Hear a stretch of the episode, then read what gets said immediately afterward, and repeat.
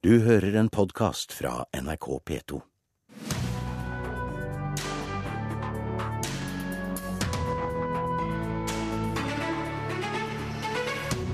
Flere nordmenn kan stå på listen når Oscar-nominasjonene offentliggjøres i ettermiddag. NRK vil fortsatt ha Spellemannshow utenfor Oslo. Nye forhandlinger om arrangørsted etter tre år i Stavanger. Og den første av vårens åtte norske debutantfilmer på kino har premiere. Steng Alive'. Skilsmisse kan være komisk, mener vår anmelder. Dessuten skal vi i sendingen snakke om Nasjonalmuseets program for 2015, som ble lagt frem i går. Kulturnytt får du med Birger Kolsrud Aasund i studio.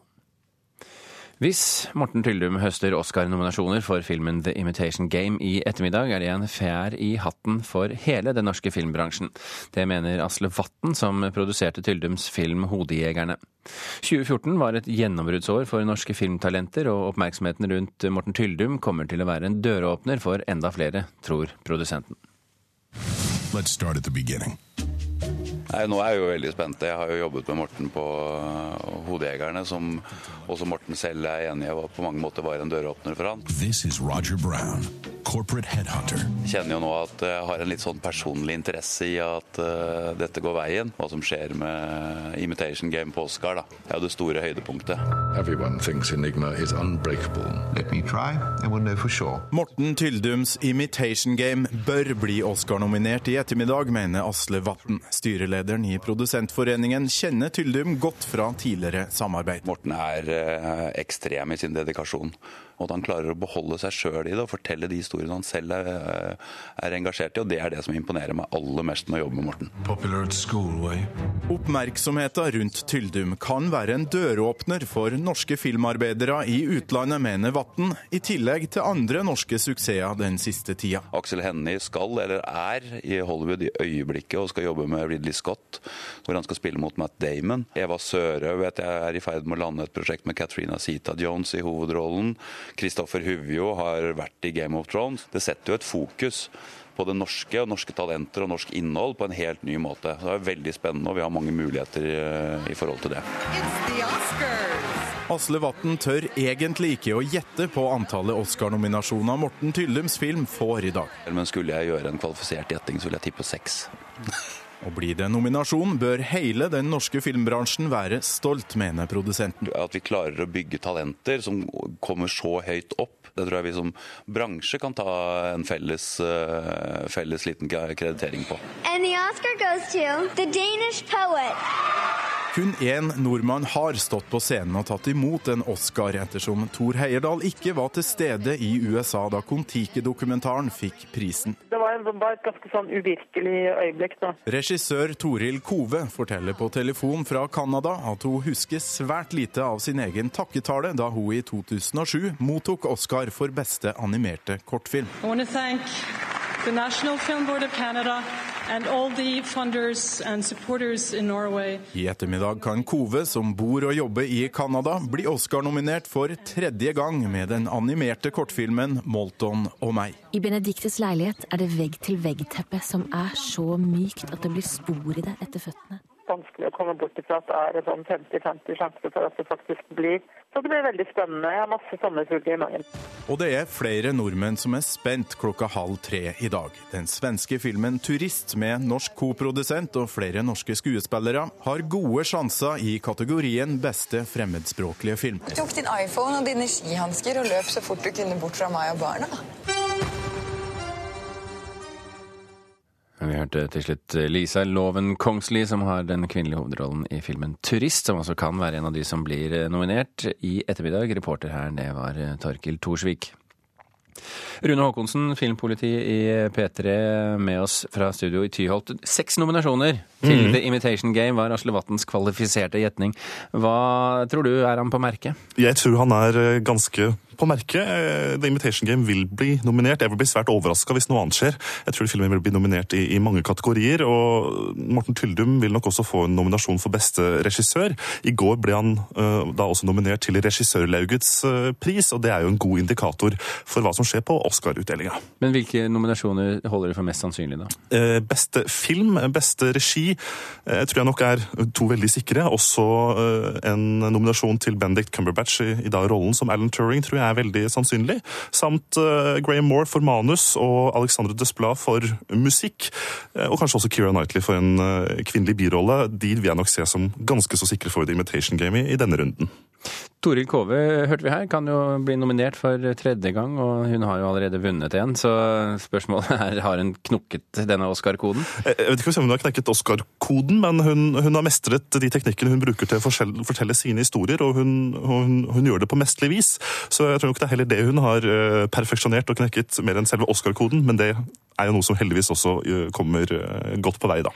Tyldum kan jo altså da få en del nominasjoner her, men det er jo som det var under Golden Globe, veldig sterk motstand han skal slå ut for å vinne. Jo, det er det. Og jeg tror nok vi vil se også ved de nominasjonene som blir annonsert i dag, den samme trenden som viste seg på Golden Globe-utdelingen, at det er kanskje i større grad de uavhengige filmene som, som får plass. Og da tenker jeg spesielt på Boyhood av Richard Linklater, som virkelig fikk de viktigste prisene på Golden Globe. Fortjent, mener jeg personlig. Men også West Anderson med Grand Budapest Hotel, som med da en pris for beste komifilm under Golden Globe også ga West Anderson et lite sånn gjennombrudd i, i, i den store mainstreamen av prisutdelinger i, i, USA. De to tror jeg nok ville være de aller tøffeste konkurrentene. Mm. Vi hørte jo også turist her i, i dette oppsparket. Eh, to norske kjente skuespillere. Eh, Co-produsenten er norsk. Eh, det kan jo altså da bli nominert til beste fremmedspråklige film. Hvilke sjanser tror du den har?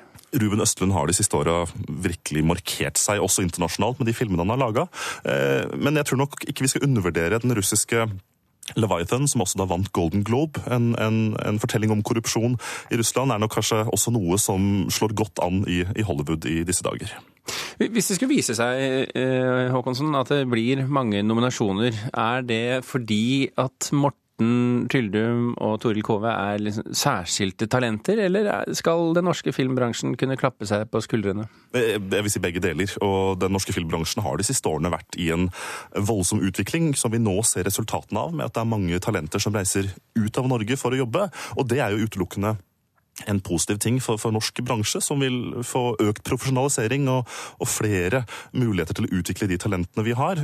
Så jeg tror nok begge deler der må være svaret. Både en klapp på skuldra, og selvfølgelig så er det virkelig talenter som har nådd langt, som vi nå også skal være glad på vegne av hvis det blir en Oscar-nominasjon.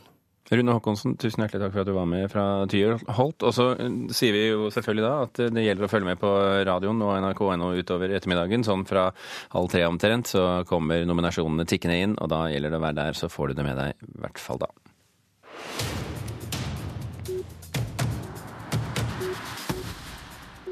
Forfatter og sosialdemokrat Roy Jacobsen stoler mer på sentrum og Høyre enn venstresiden i spørsmål om ytringsfrihet.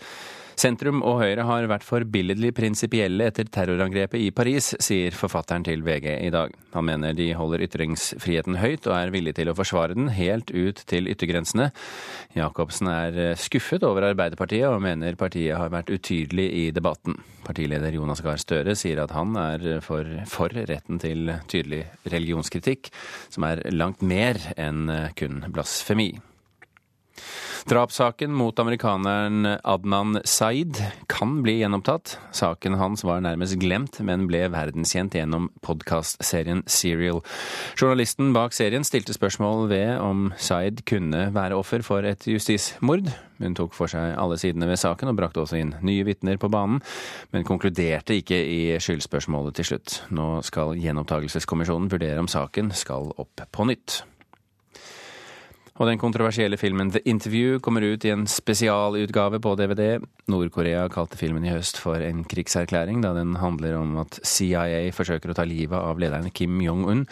Filmselskapet Sony Pictures ble utsatt for et omfattende datainnbrudd som Nord-Korea hyller, men nektet for å stå bak. Som et lite pek kommer DVD-en ut på det som ville vært bursdagen til Kim Jong-uns far, og inneholder mye ekstramateriale, annet en kortfilm om hvordan man dater en diktator. Lørdag arrangeres Spellemannprisen i Stavanger konserthus for tredje gang, der musikkbransjen feirer året som har gått. Nå skal det forhandles om hvor showet skal foregå neste gang, og hvem som skal overføre prisutdelingen. Og blir det opp til NRK, så skal Spellemannshowet ikke tilbake til Oslo. Velkommen. Produsent for Spellemannshowet, Dag Varing, er igjen på plass i Stavanger konserthus. Så Nå driver de og bærer inn eh, alle tonnene som skal inn. og Vi er jo veldig fornøyd. Altså, vi er jo faktisk fornøyd på alle områder her. Hjertelig velkommen til Stavanger og Spellemannprisen. Her er CLMD. Lørdag sendes prisutdelingen fra Stavanger for tredje år på rad. Det kan bli siste gang, for nå går avtalen ut, sier direktør i Konserthuset Per Harald Nilsson. Vi har jo egentlig en langsiktig avtale som er tre pluss tre år, og det som skal skje nå er at vi skal forhandle de neste tre årene. Så det er et, eh, et skillepunkt, men erfaringene så langt er kjempepositive, og vi ønsker å fortsette. Jeg har personlig veldig lyst til å fortsette. All rise for Ole Paus! NRK har sendt showene fra Stavanger, men også NRKs avtale med Spellemann utløper nå. Jeg sier kvelertog! Først etter helgens show starter forhandlingene om sendekanal og sendested for neste år, sier styreleder i Spellemann Marte Thorsby. Hva vi gjør neste år, det er en prosess som vi setter i gang så fort Spellemann for i år er over. Har Stavanger en fordel, siden man nå har vært der i noen år? Ja, nå vet vi jo hvordan Stavanger fungerer, og det har jo fungert veldig veldig fint i årene vi har vært der. Men hva som skjer fremover, det har vi altså ikke landet. Er det aktuelt å komme tilbake til Oslo? Alt er aktuelt. Alle, alle på en måte ark er blanke. Jeg tror det er første gang mine damer og herrer, at vi har produsert graffiti på direkten i den klassiske salen her i Konserthuset i Stavanger. Men NRK vil ikke ha Spellemannsshow i Oslo, sier eksternsjef Petter Wallas. Nå er Oslo den byen som har flest steder hvor, hvor for, som passer for den type sendinger. Men det har vært viktig for oss å være til stede ute i Norge. Og hvis vi skal gå videre med Spellemann, så er det helt klart at vi vil primært se etter en mulighet utenfor Oslo-gryta. Verken nye Forum Expo i Stavanger, Konserthuset Kilden i Kristiansand eller Grieghallen i Bergen har planer om framstøt overfor Spellemann, for NRK opplyst. Men det nyåpna konserthuset Stormen i Bodø vil ta kontakt, sier styreleder Morten Jakkelen. Vi har jo alltid lyst til å få nasjonale oppgaver hit i Bodø. Og skal Stavanger beholde Spellemann også de neste årene, er det ikke minst et spørsmål om penger, sier konserthusdirektør Per Harald Nilsson. Ja, Vi har jo bygget dette på et samarbeid med næringslivet, så det er betydelig bidrag fra næringslivet i Stavanger. Men at det er andre rundt omkring i landet som gjerne vil ha dette arrangementet, det må vi jo regne med. Ja, Det var Per Harald Nilsson til reporter Anette Johansen Espeland. Klokken er drøyt kvart over åtte. Du hører på Kulturnytt, og dette er toppsakene i Dagsnytt nå. Arfan Bhatti er limet i det norske islamistmiljøet, mener Josef Asidik i tenketanken Minotenk. Utenlandske vogntog kan bli nektet å kjøre over norske fjelloverganger om vinteren. Kvinner som har sluttet i Forsvaret etter trakassering, advarer jenter mot, følge, eh, mot følgene av allmenn verneplikt. Og Kommune-Norge taler regjeringen midt imot. 90% av de som har svart på en undersøkelse er imot å fjerne boplikten. Palestina-komiteen varsler demonstrasjoner utenfor Nationaltheatret i kveld. Det er premieren på forestillingen Vi tygger på tidens knokler som provoserer. Stykket er resultat av et samarbeid mellom flere teatre rundt om i Europa, og også Nationaltheatret i Israel. Kulturkommentator her i NRK, Agnes Moxnes. Hva er det som provoserer palestinavennene? Ja, Det er ikke stykket i seg selv, men det faktum som du viste til nå, at kveldens premiere da er et samarbeid mellom eh, bl.a. Nationaltheatret her i Oslo og det israelske nasjonalteatret Habima. Og det som gjør det hele veldig problematisk, det er at Habima er forpliktet av den israelske staten til å spille i de ulovlige bosetningene, altså på okkupert eh, eh, palestinsk område. Og det er vel nokså vanlig oppfatning at det gjør israelske myndigheter for å normalisere både okkupasjonen og livet i disse bosetningene. Men hva slags samarbeid er det de snakker om når det kommer til Nationaltheatret? Eh, det har pågått i halvannet år, og så vidt jeg skjønner, så er det Nationaltheatrets eh, sjef, altså Hanne Tømta, som, som, så for seg et større internasjonalt eh, samarbeid med utgangspunkt i 22.07. og det faktum at det nå er eh, omtrent 20 år siden Oslo-avtalen ble undertegnet. Og hun fikk da med seg franske, britiske, tyske, palestinske og israelske teaterkrefter. Eh, under en, en, felles eh, fane, så å si, at man skulle utforske temaet terrorisme. Og så skal eh, disse ulike teatrene møtes i Stuttgart nå i juni, og så skal de spille de ulike teaterstykkene som de har utviklet på denne teaterfestivalen. Så det betyr altså at Nationaltheatret skal f.eks. ikke reise til Israel for å spille dette stykket 'Vi tygger på tidens knokler'. Men er det noe av handlingen i stykket som har med Midtøsten-konflikten å gjøre? Nei, Jeg så dette stykket i, i, går, og direkte så har det jo absolutt ikke det. Eh, det er et frittstående teaterstykke, og det er jo derfor det er så veldig viktig for eh, de som skal demonstrere foran Nationaltheatret i dag, bl.a. også sterke teaterkrefter, at de sier at de demonstrerer mot eh, teaterledelsen, ikke mot teaterstykket. Det var jo store protester mot dette samarbeidet i sommer, for de av oss som husker det. Og, og flere ansatte i Eh, Nationaltheatret er jo mot dette her, så hvorfor tror du de fortsatte med det like fullt? Altså Protestene i sommer de vokste jo i takt med utviklingen av Gaza-krigen. Eh, og det har helt utvilsomt vært en veldig tung og også veldig bevisstgjørende prosess for Nationaltheatret, dette her. Og definitivt en vanskelig avgjørelse. For på den ene siden teatret som liksom en påvirker og en samarbeidspartner utenfor de politiske rammene kunsten, altså eh, poenget eller selve liksom kunst som det frie ord, et eksempel på det frie ord, veldig aktualisert akkurat nå for tiden. Og på den andre siden så kan man altså da bli brukt i et politisk spill som man overhodet ikke er med på å, å påvirke. Vi følger med utover denne saken. For de som vil vite mer om den, så, så blir det mer om det utover uh, i våre sendinger. Agnes Moxnes, takk for at du var med nå i Morgenkvisten. For de fleste er eh, utroskap en eh, tragedie, men i filmen 'Staying Alive' blir utroskapet tidvis denne rene folkekomedien. Det handler om moral, selvsagt. Besteforeldregenerasjonen har dårligst moral, og barna til de utrobefengte de liker pappas nye kjæreste. Og det liker jo ikke mor, selvfølgelig. Mannen er utro, tobarnsmoren blir forlatt. Når tingene roter seg skikkelig til, drar hun til sine foreldre. De forstår ikke. Det er jo bare et sidesprang. Må hun gjøre det til en tragedie? På det tidspunkt er skilsmissedramaet noe nær en folkekomedie om tre generasjoner, der den eldste har mest variert livserfaring. Tor Erik Gunnstrøm og Anne Marie Ottersen spiller de rollene. Det er gøy å se dem. I Charlotte Bloms regi er det lett å like tragedien.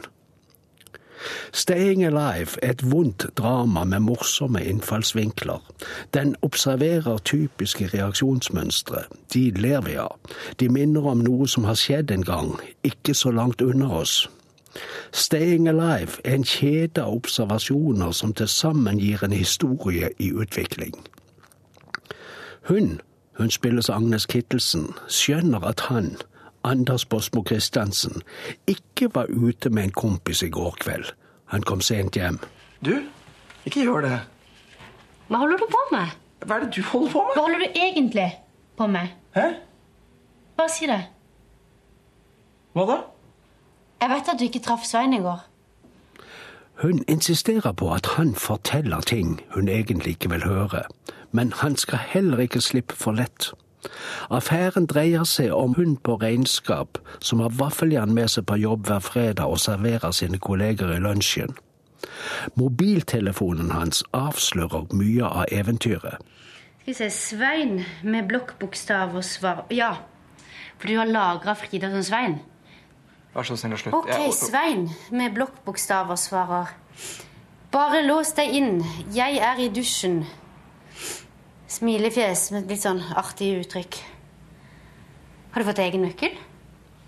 Det stikker altså dypt. Ulykken går dypere når hun skjønner at ungene deres gjerne vil være sammen med pappas nye kjæreste. Venninnen Linn Skåber har sin måte å si ting på. Hun vil holde motet oppe. Altså, det er klart han altså, Gi, gi der vaffeldama tre kvarter, så er han ferdig med henne. Jeg mener, den spenninga der borte, hva som er igjen da? Null. Jeg ikke vet det, altså. Nei, ikke vet du, men det vet jeg. Det er mye talent i både manus og regi. Charlotte Blom har utført begge deler ganske godt. Men det er svakheter også. Vi hører dialoger som ikke balanserer fint nok mellom mørkt og morsomt. Det morsomme gjør det tragiske ufarlig. Noe går på formuleringene, noe går på mellomstemningene i mimikken, noe går på hva skuespillerne naturlig har på tunga, og hva de må lære oss i. Musikken som spilles eller høres i scenene, bidrar godt til både historien og miljøet. Når venninnene går på byen for å mimre om andre tider og for at den forsmådde skal kunne få staket opp systemet, støter de på Johnny Logan. Live. Scenen gnistrer. Grepet er meget enkelt, men det fungerer godt. From now on, of me. So tonight, let's fill this memory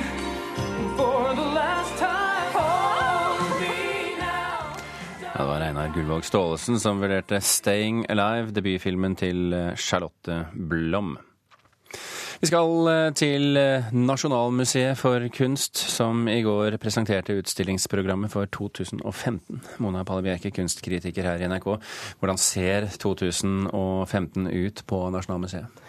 Ja, En veldig viktig begivenhet eh, i år er jo at man nedlegger grunnstenen for det nye museumsbygget. Så det vil jo da sette startskuddet for en kjempespennende byggeprosess, som vi selvfølgelig gleder oss til å følge. Så det er én viktig begivenhet. Ellers er det jo veldig mange forskjellige eh, utstillinger, så vi rekker jo ikke å nevne absolutt alt da. Nei, nei, men det, vi kan begynne med noen av de store jubileene, for det er jo et knippe av dem nå i år. Det er det. Arkitekturmuseet fyller 40 år, og de feirer dette med utstillingen Arkitektur på museum, der de vil se på det, eller ta opp dette veldig interessante spørsmålet hvordan viser man arkitektur på museum, og se på sin egen historie og oppkomst. Ikke en sånn metautstilling? Ja, ja, så det kan bli spennende. Og Museet for samtidskunst de markerer, står det i programmet, sin utstilling med en tidsreise i samtidskunsten. Eh, og det virker litt mer rart, for de, de har kalt den da fattig kunst, rik arv, som er utgangspunkt i Arte Povera, som er en italiensk eh, kunststrømning. Og det, er litt uklart om dette er en utstilling som faktisk, hvor de tem tematiserer sin egen historie og seg selv kritisk, eller om det er en av den type utstilling hvor de tar for seg samlingen gjennom en bestemt uttrykksform. Så det blir jo interessant å se hva dette egentlig er. Men, men kan kanskje fremstå som noen litt innadvendte utstillinger for de spesielt interesserte i dette, eller er det folk, utstillinger som kan bli populære blant folk? Jeg håper jo at de klarer å gjøre disse tematikkene og den på en måte litt mer selvkritiske blikket som jeg håper de har, til interessant for eh, flere enn de spesielt interesserte. Hva vil du si er høydepunktene i år, da? Jo, på Kunstindustrimuseet så åpner utstillingen I nålens øye, samtidsbroderi. Den åpner i februar. Men også en veldig, veldig stor begivenhet er jo vinylens tilbakekomst, som fokuserer på platecoveret. Den åpner til sommeren, og der er det jo masse flott, eh, sikkert pop og rock og punkestetikk. Det er veldig mye stor kunst i grafisk design knyttet til platecoveret, så det gleder jeg meg veldig til. Og så er det jo på Nasjonalgalleriet. Der må jeg virkelig fremheve Verden i veven, med de fantastiske poetiske og politiske billedvevene til Hanna Ryggen. Det, det gleder jeg meg veldig til. Hvis vi går litt tilbake til 40-årsjubilanten Arkitekturmuseet. Kommer, kommer det til å være et Hva skal vi si, eh, For oss som er normalt interessert i arkitektur, kommer det til å være eh, noe å gå og se på? Absolutt, fordi de feirer ikke bare seg selv, de har jo også ut, flere interessante utstillinger. Blant annet vil de realisere et uh, bygg av Sverre Fehn som aldri har vært virkeliggjort. En, et utkast til en paviljong på verdensutstillingen i Osaka fra 70, 1970. Og dette er et oppblåsbar struktur, en paviljong som vil uh, bygges opp inni Nasjonalmuseets egen Fehn-paviljong, og som blir som en sånn stor pustende lunge, på en måte. Så det gleder jeg meg veldig til å se. Morsomt også i forhold til dette med arkitektur på museum, å skape et hus inni huset. Så det skal bli veldig fint. Og så har de også noe som de kaller for arkitekturstriper, og som ser på forholdet mellom arkitektur og tegneserie, og hva det er som gjør at mange arkitekter bruker tegneserien for å visualisere sine visjoner. Da vil det jo være den store danske arkitekten Bjarke Ingels, det vil være også Le Corbusier og mange andre som bruker dette mediet. Det, det kan bli spennende å se hva de får ut av denne morsomme ideen. Skal vi til Cuba på noe vis? Ja, det skal vi på Museet for samtidskunst. Der skal vi se den cubanske kunstneren Carlos Garacoa. Og dette er den første presentasjonen av han i Norden, så det er jo på tide, for dette er en veldig anerkjent uh, kunstner som er opptatt av bylandskapet og byens heslige skjønnhet, denne dobbeltheten i byen. Og så har det jo heter utstillingen 'Usynlige byer', som jo er en litterær referanse hentet fra Italo Calvino og gir det hele et litt sånn poetisk tilsnitt, så det skal bli gøy. Og så har de en annen separatutstilling på Museet for samtidskunst med den indonesiske, australske video- og fotokunstneren Fiona Tan, som er opptatt av identitet og erindring. Og har, den har jeg også store forhåpninger til at skal bli en bra utstilling. Sånn kort oppsummert, er du imponert over dette?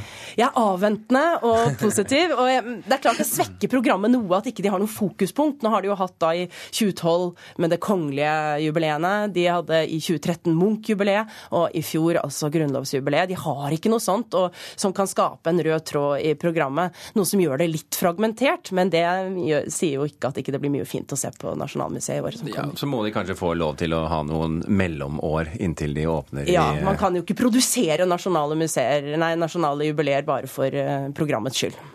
Vi er spent på hvordan det blir utover. Du kommer sikkert tilbake og anmelder en del av dem, Mona Palle Bjerke. Den tid kommer. Kulturnytt er slutt. Vi har tenkt til å runde av. Beate Haugtrø, Thomas Alvarstein Ove og Birger Kålsrud Aasund. Snart fortsetter Nyhetsmorgen med Øystein Heggen i studio. Du har hørt en podkast fra NRK P2.